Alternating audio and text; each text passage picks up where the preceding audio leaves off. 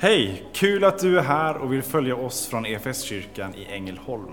Du kommer nu att få se eller höra en predikan från en av våra gudstjänster.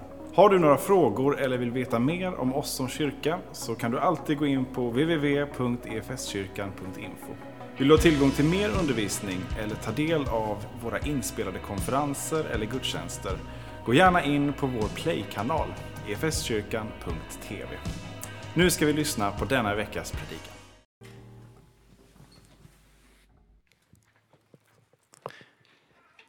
Då får jag också den stora förmånen att få hälsa er med ett god förmiddag. Tack så mycket för det. Eh, tack så mycket Åsa också för att du delar ett eh, ögonblick ifrån ditt liv och din vecka. Ni som nu kanske bara lyssnar på predikan i efterhand så fick vi en dramatisk berättelse om en, en cykelolycka som ändå slutade väl. Men det var ändå ett ögonblick i ditt liv, ett plötsligt ögonblick som som ändå påverkade på ett tydligt sätt. Eh, och eh, så skulle vi kunna sitta och eh, lyssna på varandra om vad veckan har innehållit. Men det som har varit, det har ju varit.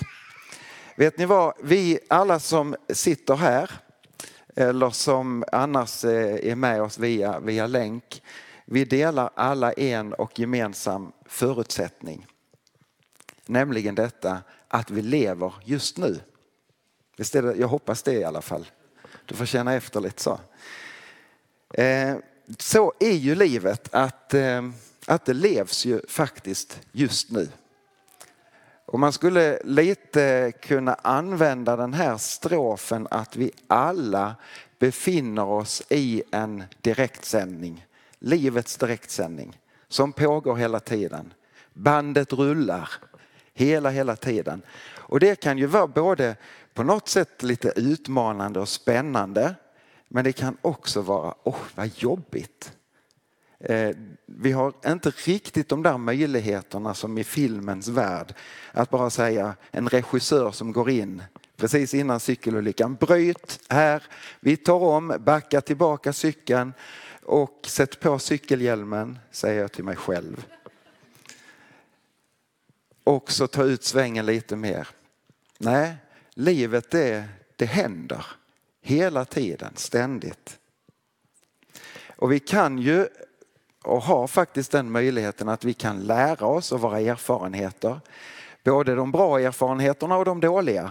Och någonstans förhoppningsvis ändå utvecklas som, som människa och, och kanske inte ta det där genvägen som innebar problem som vi tänkte att vi skulle ta men som kanske gav oss en dålig erfarenhet. Men i ett avseende så har vi faktiskt ändå möjlighet att få göra ett omtag. Det kanske inte blir en omtagning att, att vi blir utan den erfarenheten men i förhållande till Herren, i förhållande till Gud så kan vi få lägga ner våra liv och be om förlåtelse för det som har blivit fel, och det är nästan så att Herren, han säger i sin förlåtelse, ja, ni som kan lite gammalt datorspråk, kontroll allt elit, allt raderas. I förlåtelsen och i förlåtelsens kraft får vi lov att ta ett, ett omtag. Kanske inte bara en omtagning men ett omtag. Få börja om på nytt och försöka att leva ett helare liv. I livets direktsändning så är det ju en, på något sätt en utmaning att alla möten vi hamnar i, de är ju live. De är just nu. Mötet både med dig själv och i den, det mötet så står vi i de friskaste tillstånd på något sätt hela tiden i. Mötet med dig själv, mötet med mig själv. Men också mötet med andra eller också mötet med Herren det är ju just nu. Och vad spännande det är. Tänk att ett möte med en människa kan få ha ett intryck och ett avtryck i ditt eget liv men kanske också den du möter. Och vår bön är ju också att i de mötena Jesus ska få bli synlig så att vi får också ana Guds liksom uppenbarelse på något sätt i varandra. Så att vi lever just nu. Som människa, skulle jag vilja säga generellt, men, men alldeles specifikt som en bekännande kristen så lever vi ju inte bara ett liv just här och nu och liksom tappar perspektiven på andra håll. Utan vi har och vi bör ha ett tydligt framtidshopp. Ett framtidshopp som, som stavas fullkomligt liv och helt liv. Bibeln talar om och Jesus kommer med hälsningen om att, om att vi har en evighet tillsammans med Gud att se fram emot. Och det är en tillvaro som, som beskrivs som en, en plats och en tillvaro som är utan klagan, utan sorg, ingen saknad, inga dåliga minnen, inga sjukdomar som ska begränsa oss. Ingenting av det som vi upplever som ont utan vi kommer att leva i en hel relation med oss själva, med varandra, med Guds skapelse och framförallt med Gud själv. Det hoppas vi på, det längtar vi efter. Men även om vi har det där framtidshoppet så kvarstår det faktum att vi lever just nu, här. Vi har en förankring i historien, en tydlig riktning framåt, men här och nu.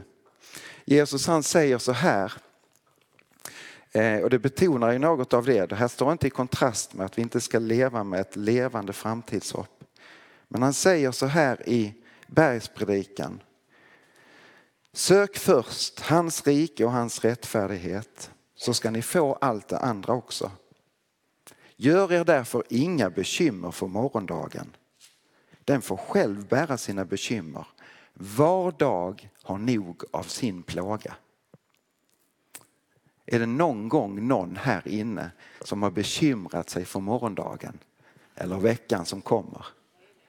Nej, jo, jag tror vi är sådana. Och det, ja, det må vara hänt, men, men Herren säger var dag har nog av sin plåga. Och det är som en, nästan som en hälsning. Lev här och nu. Kommer morgondagen så löser det sig då. Vi behöver liksom inte bära det oket i förväg. Och jag tänker att vi lever i ett här och ett nu med en tydlig kallelse och med ett uppdrag som Herren har gett oss. Han har gett det här uppdraget till kyrkan, han har gett det här uppdraget till oss som bekännande. Men vi skulle kunna säga att han har gett det här uppdraget till mänskligheten, till varje människa. Vi har försökt formulera det i, på den här platsen, i den här kyrkan utifrån en vision som säger att vi vill vara en kyrka eller vi vill vara ett folk eller del av ett folk. Eller jag vill vara en människa som återspeglar Guds hjärta som bär varandra och som betjänar människor var helst vi befinner oss varje dag. Det här var helst jag befinner mig varje dag.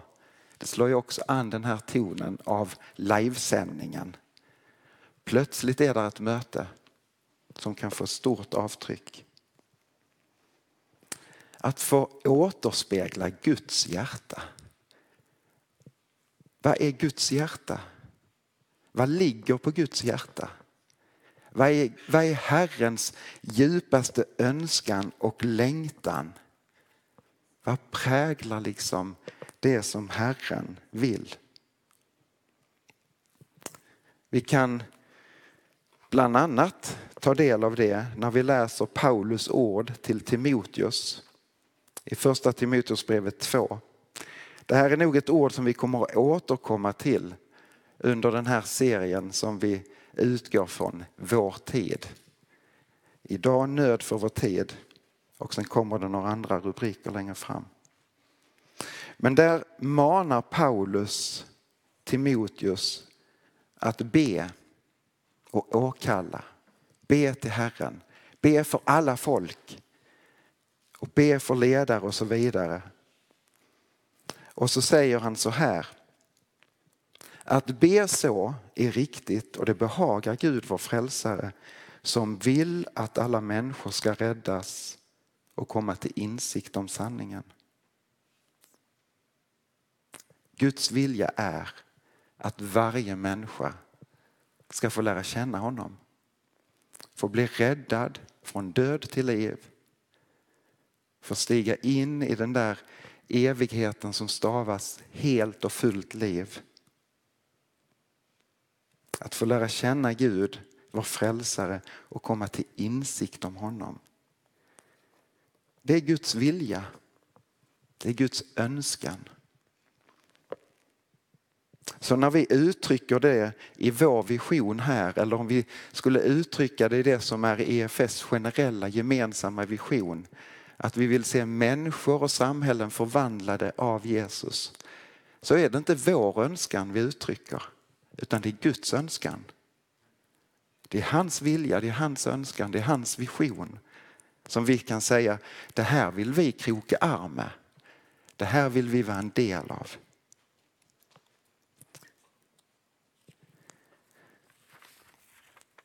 Och det här som vi skulle kunna säga är egentligen missionsbefallningen eh, uttryckt med andra ord.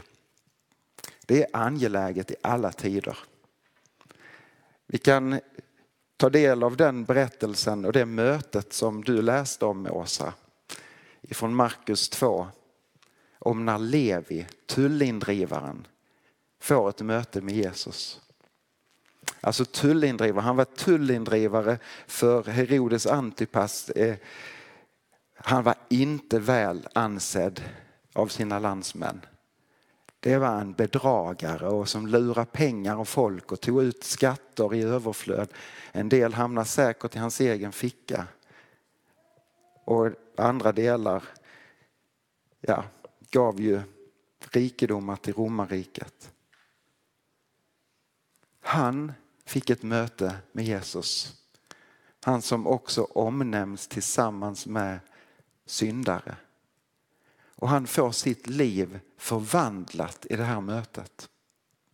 När Jesus går hem och, och stannar upp i en måltid, besöker den här mannens hem, så är det en massa av de där andra som folk såg ner på, som var där på den festen. Och fariseerna och de där som ansåg sig rätt trogna, de, de liksom, hur kan Jesus ligga ner och äta med dem? Och så säger Jesus de här underbara orden. Det är inte de, det är inte de friska som behöver mig utan de sjuka.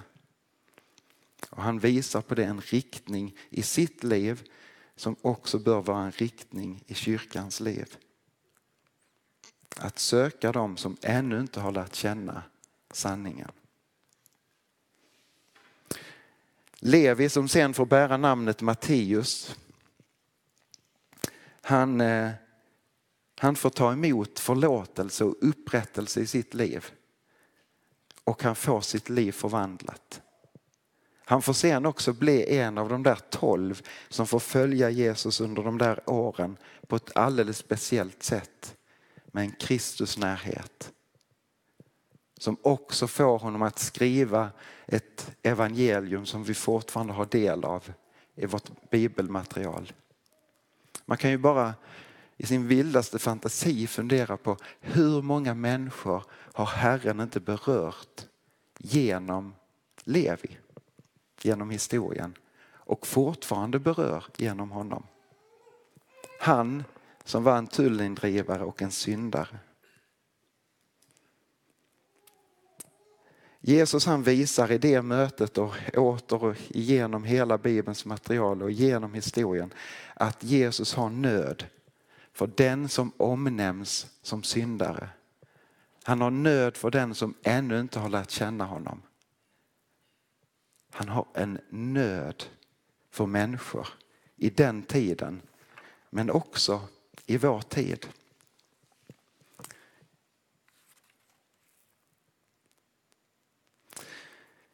Nöd för vår tid. Bär du den nöden som Jesus bär? Bär jag den nöden som Jesus bär? Bär vi som kyrka den nöden som är Guds nöd också för vår tid? En angelägen fråga. Sen kan man ju fundera på det här, vad är vår tid? Nöd för vår tid. Hur ska man beskriva vår tid? Ibland så, ibland så säger man så att eh, ja, på den tiden var det precis som i vår tid. Och jag tror att visserligen i vissa eh, specifika ja, men, tider eller i vissa perioder varje samhälle, varje generation har kanske sina unika problem och situationer att förhålla oss till.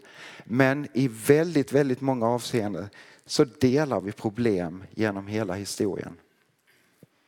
Många gånger så kan man höra och själv ha sagt, och nu säger jag det igen, att ja men församlingen i Korint, situationen i Korint på Jesu tid, på Bibelns tid för 2000 år sedan. Det är väldigt lik vår tid. Jaha, i vilket avseende då? Ja, vi kan måla bilden av Korint lite grann. Eh, Korint var ju en stor och strategiskt placerad handelsstad strax sydväst om Aten med två stora hamnar som kunde liksom ta emot handel från två olika håll, från, från öst och från väst. Det var en, en stad som präglades av ett mångkulturellt sammanhang med influenser från många olika håll. Med människor från olika håll i världen som, som lever i den här stan. När Paulus han kommer dit på en av sina missionsresor år 52 efter Kristus så stiger han in i en stad som, som rymde ungefär en kvarts miljon invånare plus 400 000 slavar. Varför de nu inte räknas som invånare. En stor stad med mycket puls. Det är eh, en stad som också präglas av mycket segregation. Där är en rik del av staden med en kanske många gånger omåttlig lyx och ett överflöd samtidigt som det är extrem fattigdom.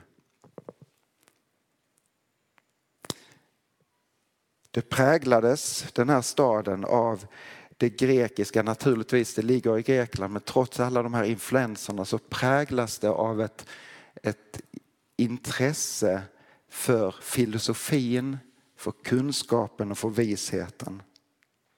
Det märker man när Paulus han skriver sina brev till Korint att han möter upp på något sätt i det som är den tidens samhälle. Det var också religiöst präglat mycket utifrån den grekiska kulturen. Stora tempel, tio eller tolv stora tempel i Korint varav ett av de största templen var byggt till Afrodite, kärlekens gudinna. Där växte fram i kulten kring det här templet en, en religiös prostitution. Och det var uppemot tusen prostituerade i det här templet. Och det livet och det valet att leva, det präglade samhället i stort. Så det var vida känt i den här tiden att Korint var en plats med extremt dålig moral i många områden. Inte minst i de sexuella områdena.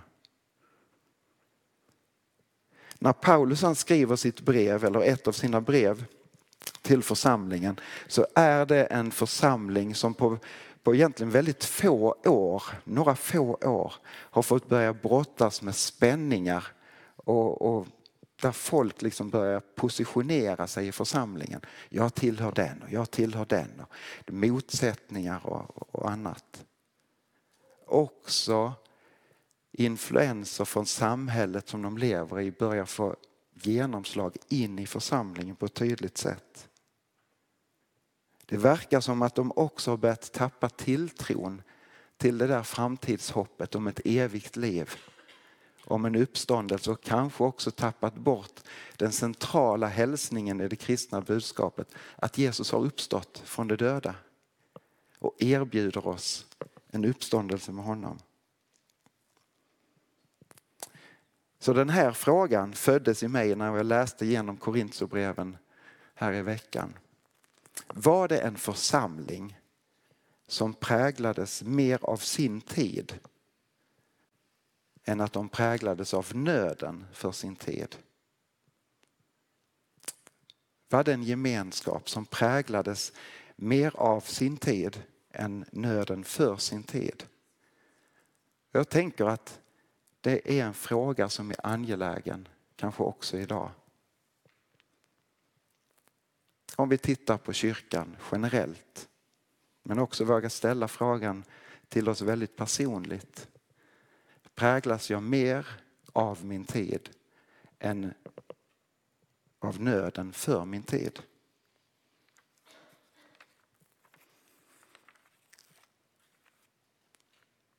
Oj, ni ska bara veta vad jag våndades i veckan när jag började fundera på detta. Vad är då vår tid? Hur ska man förklara och försöka göra en nutidsanalys? Det är ju det är så mångfacetterat så det finns ju inte bara ett enkelt svar på det naturligtvis. Men några grejer som vi kanske ändå kan slå fast är att vi lever i mångt och mycket en orolig tid. Många människor är oroliga och det beror ju naturligtvis på vilka förutsättningar vi har. Vi lever under, kan man tänka, väldigt, väldigt goda förhållanden. Hur skulle en människa i Sudan förklara sin situation just idag? I sin direktsändning, i sitt live-liv. Eller Ukraina, eller på Afrikas horn där torkan slår och svälten drabbar så många. Naturligtvis ser det olika ut. Men det som ändå är kanske gemensamt det är att det skapar oro. För vad ska hända? Nu kommer ändå den här, teknikern har inte, för, eller jag förberedde inte teknikerna på denna bibeltexten. Men ändå bara för att använda Jesu ord när Jesus talar om tidens slut så säger han, ni kommer att få höra stridslarm och krigsrykten. Se till att ni inte låter skrämma er. Sånt måste hända, men det är ännu inte slutet. Folk ska resa sig mot folk och rike mot rike och det blir hungersnöd och jordbävning på den ena platsen efter den andra. Allt detta är början på födslovåndorna. Vad, vad hör vi när vi läser detta, när vi hör Jesu ord? Jag får så lätt fokus på stridslarmen, på jordbävningarna, på hungersnöden och missar något av det absolut viktigaste. Låt er inte skrämmas. Känn ingen oro, var inte rädda. Tro på mig och tro på Gud. Åh, vad Jesus slår fast det. Om och om och om igen. Präglas vi mer av vår tid än av nöden för vår tid.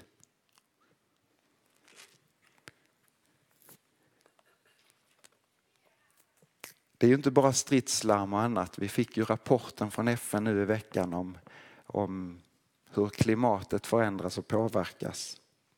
Ja, jag känner oro för det. Så jag måste säga till mig själv, var dag har nog av sin plåga. Känn ingen oro. Tro på mig. Tro på Gud. Jag tror också att vi skulle kunna enas om att vi lever i en tid och har levt i en tid som präglats av väldigt snabba förändringar. Det blir ju supertydligt när det gäller tekniken. Det har ju bara skenat på och det som, som är självklart idag var inte självklart för inte så länge sedan. Men det är inte bara inom det området som det går väldigt snabbt och där förändringar sker. Utan det sker kanske också snabba förändringar hur vi ser på oss själva, hur vi ser på vår omvärld, hur vi ser på varandra. Och värderingar tycks ändras ganska snabbt. Detta tillsammans med att vi som land, om vi nu tar Sverige, vi tillhör en, en jag ska säga, ett av några få länder som har en utpräglad speciell plats på den där eh, eh, vad heter det, interna, internationella eh, värderingsskalan som pekar ut oss som ett av världens mest sekulära och individualistiska samhällen i världen. Vad gör det med oss? Som folk och som, som församling mitt i den tiden. Även om egoismen säkert har haft genomslag i, i alla tider på ett eller annat sätt, att man ser om sitt eget hus och på andra sätt, så, så blir det i en sån här utpräglad situation som vi befinner oss, så slår det igenom kanske extra starkt. Och så kommer Bibelns hälsning om att vi hör samman. Vi är inte enskilda öar i tillvaron. Liksom, ja, du får bestämma själv och du får tycka. Det är klart, vi respekt för var och en. Men vi är kallade att höra samman. Det blir ju nästan motsägelsefullt i en tid när allt handlar om att förverkliga sig själv. När Paulus han skriver till församlingen i Korint så, så talar han om nådegåvorna och om att vi ska söka dem. Inte för att liksom, oh, glassa oss i dem, utan för att betjäna varandra, för att hjälpa varandra, att bära varandra. Och mitt i det så beskriver han församlingen som en kropp. Han skriver så här. Till liksom kroppen är en har många delar och alla de många kroppsdelarna bildar en enda kropp. Så är det också med Kristus. Med en och samma ande har vi döpts till att höra till en och samma kropp. Vare sig vi är judar eller greker, slavar eller fria och alla har vi fått en och samma ande att dricka. Kroppen består inte av en enda del utan av många. Vi är kallade att utgöra en helhet i våra olikheter. Vi får vara där och komplettera varandra.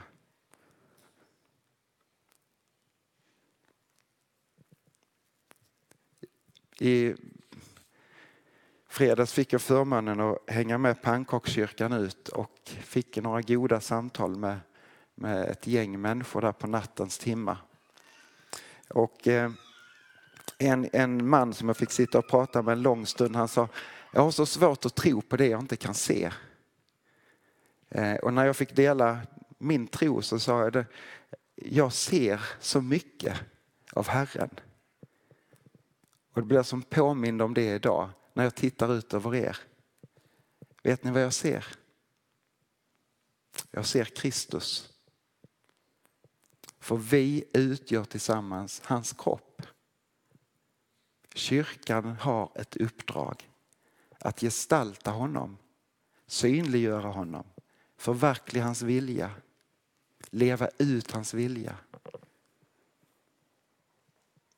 I den här staden så är det väldigt många människor som inte har lärt känna sanningen om vem Jesus är. I vårt land är det jättemånga människor som Jesus har dött för och uppstått för. Där han har sagt, oh, jag vill inget annat än att ge dig av min förlåtelse. Jag vill inget annat än att få kroka arm med ditt liv, få hjälpa dig att leva. Att få bära dina bekymmer, få möta upp i din nöd. Så många som inte vet om detta.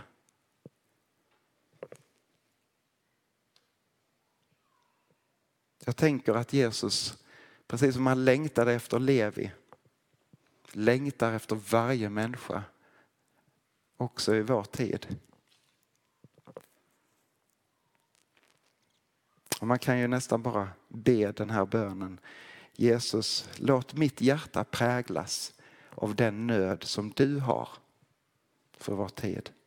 Sätt mitt hjärta i brand för det som du brinner för. Och vet du vad, då kan ett litet möte som du får stå i i veckan göra extremt stor skillnad i en annan människas liv. Så låt oss ta det på största allvar. Oj, vad allvarlig jag lät. Men det är ju på riktigt, tänker jag. Det är på riktigt. Det är angeläget. Och vet ni varför Gud kan använda sådana som oss? Vet ni vad som gör att, att när vi ser på varandra vi faktiskt kan, kan se Kristus? Det är för att vi, precis som Levi, så många andra, får ställa våra liv inför honom, precis som de är. Med våra sår, med också våra blödande sår. Och leva och ta emot förlåtelsen från Herren. Det är det som gör oss till ett Guds folk. Det är det som gör att jag kan säga jag tillhör de heliga. Inte jag väl? Jo, utifrån Guds förlåtelse så har du den rätten. Så därför mina vänner ska vi få stå upp tillsammans, få be och bekänna inför levande Gud. På nytt få ta emot förlåtelse och ta ett omtag om våra liv. Låt oss be tillsammans. Som kyrka är det en glädje att få spela en liten roll av allt Gud gör i och genom ditt liv. Vi vill gärna fortsätta följa dig på den resan. Och vill du ta reda på vad ditt nästa steg kan vara på din resa med Gud så gå in på efskyrkan.info nästa steg. Vår längtan är att få se människor och samhällen förvandlade av Jesus. Genom en kyrka som återspeglar Guds hjärta, bär varandra och betjänar människor varhelst vi befinner oss varje dag.